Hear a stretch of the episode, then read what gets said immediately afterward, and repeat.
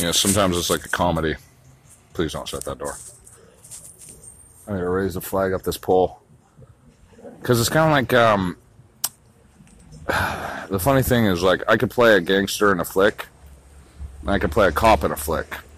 I could play a gangster who's a cop in a flick. I could play a cop who's a gangster in a flick. But what would be the difference? I love movies. Fucking love movies. I love Mystic River. I don't even understand that one. I love. I don't want to say what I already said in the other recording. I love those movies. I love the Coen Brother movies.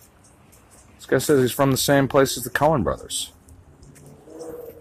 I said it's like a Coen's Brother movie.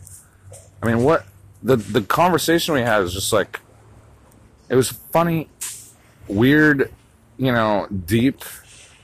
I love that guy already, but it's also kind of like who's a gangster? You know what I mean? And I'm not saying that like that, like a short, scrappy view of that trash. But who is a gangster? And who's not a gangster?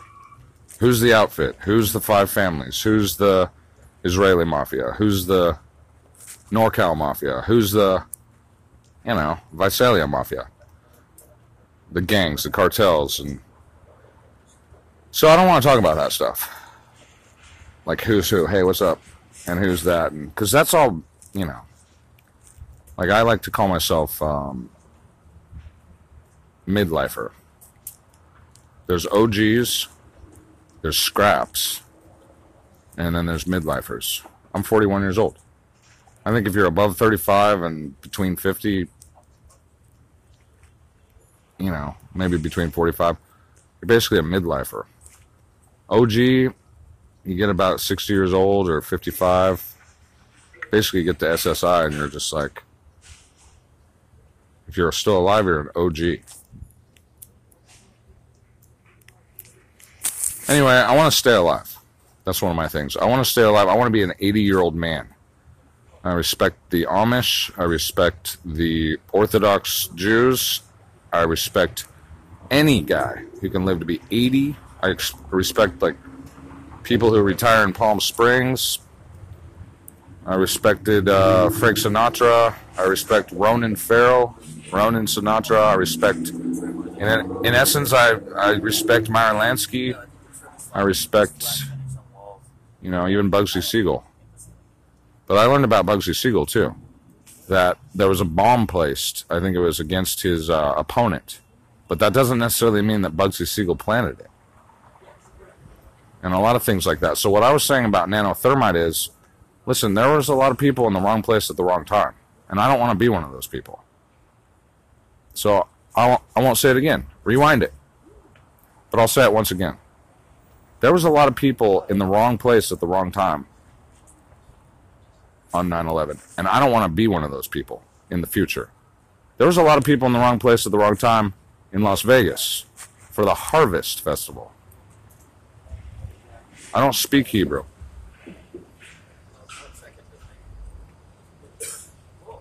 Yet. Bet Shiva is a word that I'm looking up. I don't have the internet right now. But that other word I really liked. I did. The destiny word. I'm like, okay, I like that. Now I know what's up. Now I know what's up. I'll sell this one to you for a thousand dollars. And if you don't like that price, that's fucking fine, dude. That is fucking. You're not gonna hear it. The other one's the advertisement. So yeah, I'll ask for money. Maybe I'll give it to you for a hundred, but no, I'll ask for a thousand. Why? Because when I get a thousand dollars in my account, I'll book the fucking venue. Then I have positive cash flow. So that makes sense, doesn't it? And I appreciate the lessons that I got from this guy today. I'll probably be thinking about him for the rest of my life. He also built up my confidence. And he talked about getting a home, a place, basically, a residence, or a standard procedure so that my confidence could be built. And I'm like, yeah, yeah, I could do that. Well, and here's how I could do it. If I have a thousand dollars, I can pay for a month's rent, or I can pay less to this woman. I'll live in this fucking lap of luxury. I fucking found the place. You know, it's like if I can pay her and I'm making it out of my mind in the music industry, then I'll pay rent. See? See how that works? Elohim? Jehovah? Teshuvah? Shalom Haverim? If I make it out of the music industry, then I'll pay rent. But it's got to come, you know, not out of the criminal drug running industry. That's really not something I really want. Logistics, though. And that's where I say, in my mind, the consultation instance, it's for you to do what as you will. Like, I like that idea of being the bird eye. I like it, but I don't like, you know, I don't want to live in Reno the rest of my life. No offense to Reno, but I mean, I don't mind. I, I love Reno. I'll, I'd go there once a year. I'll go there twice a year, maybe once a quarter. I'll go to Vegas.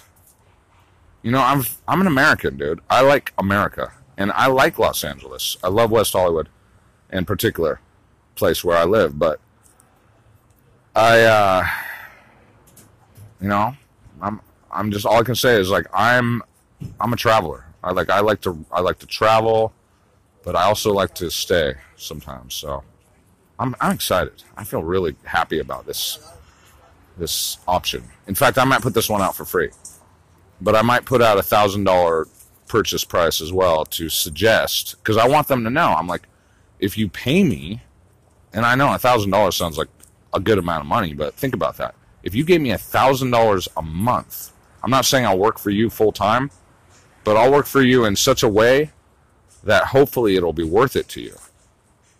By the way, I'll advertise a little bit of my skills there because I can run finance like you you can't even fucking believe, dude. I'm a genius too. But it has to be in my books, everything has to be safe and legal. And I can't feel extorted, threatened, and I can't feel like I'm laundering money. At the same time, I can give advice, but if you don't have specialized and qualified practitioners essentially, then you're not even going to be able to do what I do.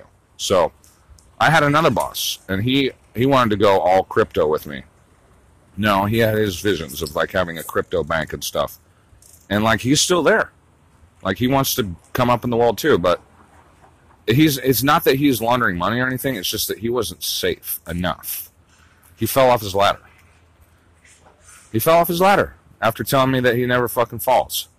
And that's what I'm saying, Barry is that I ain't going to deal with somebody who's going to tell me they're safe and then they fall off their ladder and then get right back up after they nearly took off my toe with, you know, a huge board that fell on my fucking foot.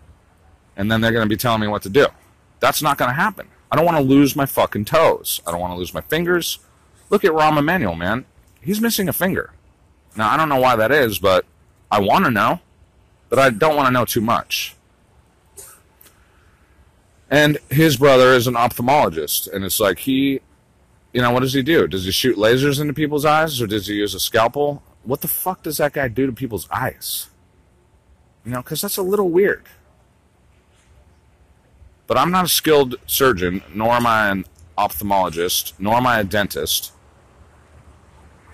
And I don't want to lose a finger. I don't want to lose a toe. I don't want to lose an eye. And I don't want to have an eye for an eye lost and I don't want to, you know, I don't want to lose a pound of flesh. Otherwise, I'm very, very happy to do business. So I'm always saying, like, I want to be above board and I want to be safe and legal. And as I said to him, and I hope this lasts, I'm not putting a finger on the scale unless you tell me to. But even then, I'm not putting a finger on the scale unless there's a really good reason to do something like that. Because I'd rather be esteemable and honest. I think in the long run, that's the best thing to be. I'm saying, I'll put a finger on the scale, that is, to tip the scale and tip the balance if you tell me to, if I'm employed by you.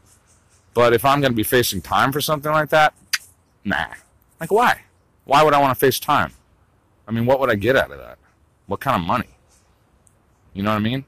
It's not, not even worth it. And I'm not a guy who wants to do stints as some kind of, you know, required aspect of a job. I don't do that. I don't want to do stints. I've been there, done that. That's not that is not safe and legal. I don't care if some guys can get all fucking wrapped up in fucking prison and stay safe. No, I can't. Because I'm in fucking prison and I don't have a gang, I don't have a back. No, I don't have money. If I had money on the books, I might be getting raped for it and it would be taken from me because I'm not that big. I don't want to go to jail. I don't want to go to prison. So I'm not going to be doing anything. So when I said that, it was kind of like, you know, it was a colorful way of suggesting that I'm an honest person and I want to be honest, but I can be dishonest if I'm told to be, but I don't think it's really worthwhile. So I'd rather not. So whichever figurative metaphor you'd prefer to use, they say I'd rather be a straight shooter. Say that. I'd rather be a straight shooter. But see, I don't like to use the wrong turns of phrases either. For I'm not shooting anybody yet. And if I was going to shoot someone, I like the other metaphors, like Pink Mist Agency, PMA. That's my headshot agency. Now, I hope you find a sense of humor in this, but in Hollywood, the actors are always asked to give out headshots, pictures, 8.5 by 11 glossy photographs of their face. Now, that's a cost that is unnecessary and silly, in my opinion, although giving a person a glossy photograph in a manila envelope is kind of a classy way of saying, This is who I am, and if I sign it, this kid taught me this, I could sell it or you could sell it, or he could sell it. But I tried that get to get I tried to get that kid to work for me, and like he just kept getting weirder and weirder. I I mean I almost see I'm almost wondering did Barry show up because the kid I couldn't get on the bus with the kid. I wouldn't get on the bus with the kid, even if he told me he was Capitol Records. I was like, is it really Capitol Records? Because this is some deep shit, dude. But he was talking about a gangster that had NLP tattooed on his forehead, but sometimes it's not there. So you guys want to get deep? I've been telling you guys the stories, but have you been listening?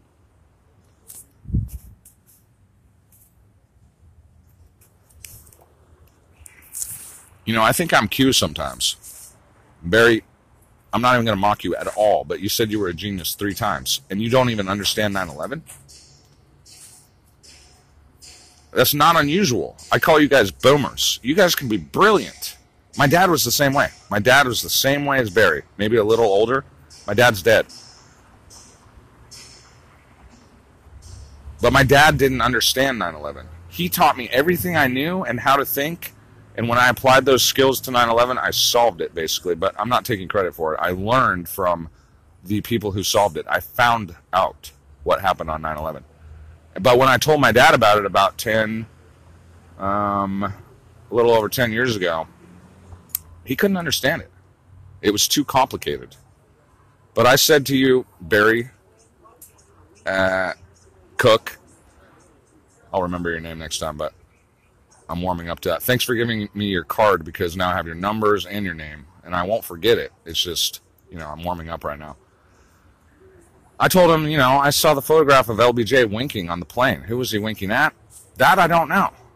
And, you know, I love talking about JFK because it brings out in us scholars and us business people like an opportunity to sort of, I don't want to say this wrongly. It does bring out an opportunity for us to show our gangster, like a Takeshi suggestion. But it's also, it brings out an opportunity for us to, and I'm talking to your son in law too, because I got to speak in five ways at once if I want to draw in an audience. I got to bring in the youth, the old guys, and the midlifers. This is entertainment. When I'm speaking to more than one person at a time, especially remotely like this, that's called a broadcast. Did you ever hear about how Kurt Vonnegut, you know, typed a book? He's a writer, but if you listen, if you read Mother Night, I mean, because you know you know the Coen brothers, but do you know Vonnegut? Vonnegut in Mother Night, this is a book I read when I was about 12 years old. So don't forget that I've been reading books for a long time. And uh, that doesn't mean I know everything. I'm just saying. He wrote a book about a propagandist in WW2 who was giving out messages, I think, uh, oh, yeah, the character, not to spoil the plot. I don't even know if this is, I think it was made into a movie. I think Nick Nolte might have been in it, actually, as far as I recall. I never saw it. The ostensible plot is that the propagandist was reading out Nazi propaganda, but he was giving out code to the Allied soldiers on the ground or in the terrain, in the theater of that war. Now, what was interesting about the book is the moral dilemma the character reflected upon was did he give more power as a Nazi propagandist or more righteous power to the Allied who were taking the secret messages. For he was saying this crude, blunt National Socialist propaganda to the Germans as a cover so that he could use the code and give messages to the Allied through the German broadcast system at that point. Now, I don't know if that's based on reality, but that's a cool story, isn't it? Cool story, bro. Cool story, bro. That's a joke. That's a meme. People say that. Cool story, bro. So I'm just saying, like, what does that make us think?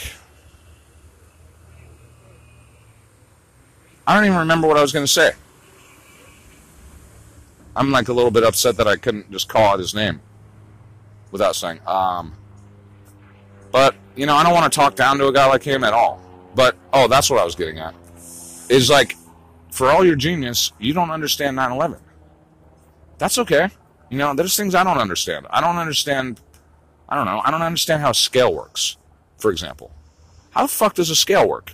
You put some weight on a scale and it goes down and it presses something that shows you a digital numerical output and maybe maybe that number is true, maybe it's not, but how is that balanced to the next scale?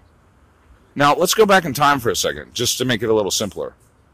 Weights and measures would be compared to each other across different kingdoms, but there was an English foot, 12 inches, and then later there was a meter. And if you had a foot or a yardstick or a tally stick, the history of weights and measures and money and stuff, it's like they would have to go from kingdom to kingdom and measure their fucking sticks. Isn't that funny? It's like a dick measuring contest. But I wouldn't want to do that with you guys. I wouldn't want to fucking pull our dicks out and try to measure them. I was just giving a clue. It's like, I don't understand scales, I guess is what I'm getting at, but. You know, do you understand harmony? That's another thing. Music.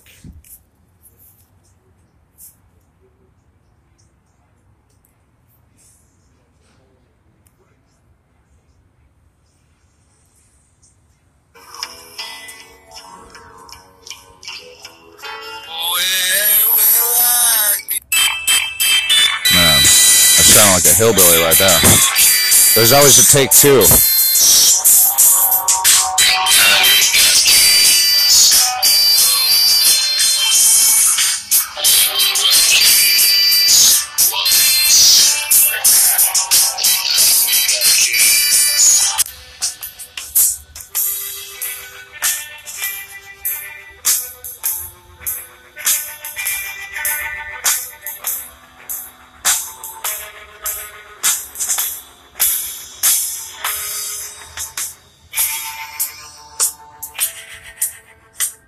Easy to compose. When you're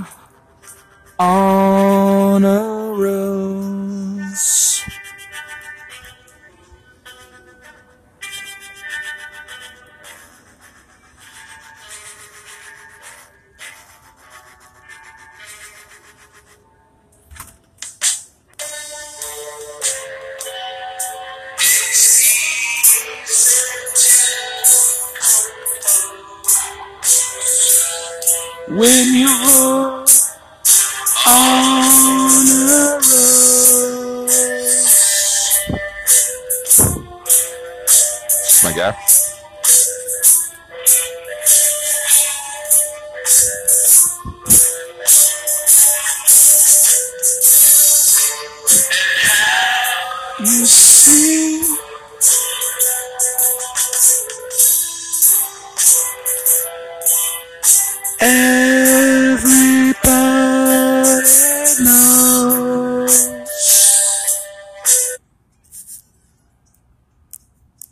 Harmony is what is sound waves. There's a melody. Most of us know a melody. Jingle bells, jingle bells.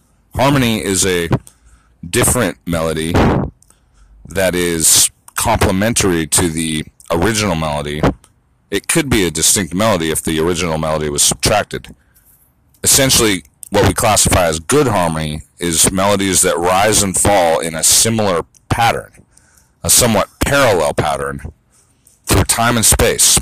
Sound wave is physical. Harmony is two waves that go together. Sound waves. That is what harmony is. But think of it as two melodies that are going along together. A lot of people have heard harmony. I'll give you a simple one. Uh, in the past, it was Frank Sinatra and his daughter, daughter Nancy Sinatra. I know I stand in line until you think you have the time to spend an evening with me. And she sang, I know I stand in line until you think you have the time to spend an evening with me.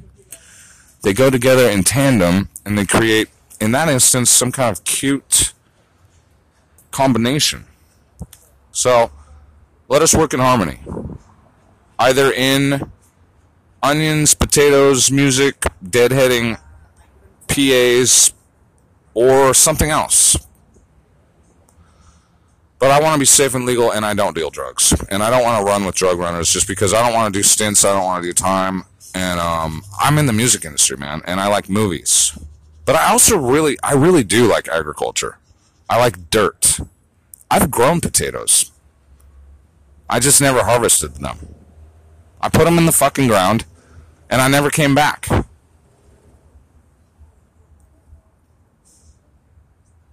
You know, maybe I'm ready to harvest something too. But it's hard because, you know, finding fertile earth to return to regularly has been one of my dilemmas. And it may be the dilemma of the middleman and the wandering Jew, or the wandering Christian, or the wandering Buddhist or the wandering atheist. So where do we settle? That's why we met in Starbucks. Because we wander. So I hope we have a future together and I'll talk to you soon. The thing is is uh, I could use a thousand dollar payment on one of these products. So if you bought or somebody bought on an expense account or a tax write off or something, anybody with a credit card who can pay or an agency that could pay at a loss, write it off, something, into my account, then I can start to think about getting housed. And if you want me to look housed and shaved and cleaned up, and you want me thinking like a, a housey, as we call them, like as a civilian, instead of a indigenous nomad gypsy, well, it's time to pay. Someone's got to pay. I'll talk to you later.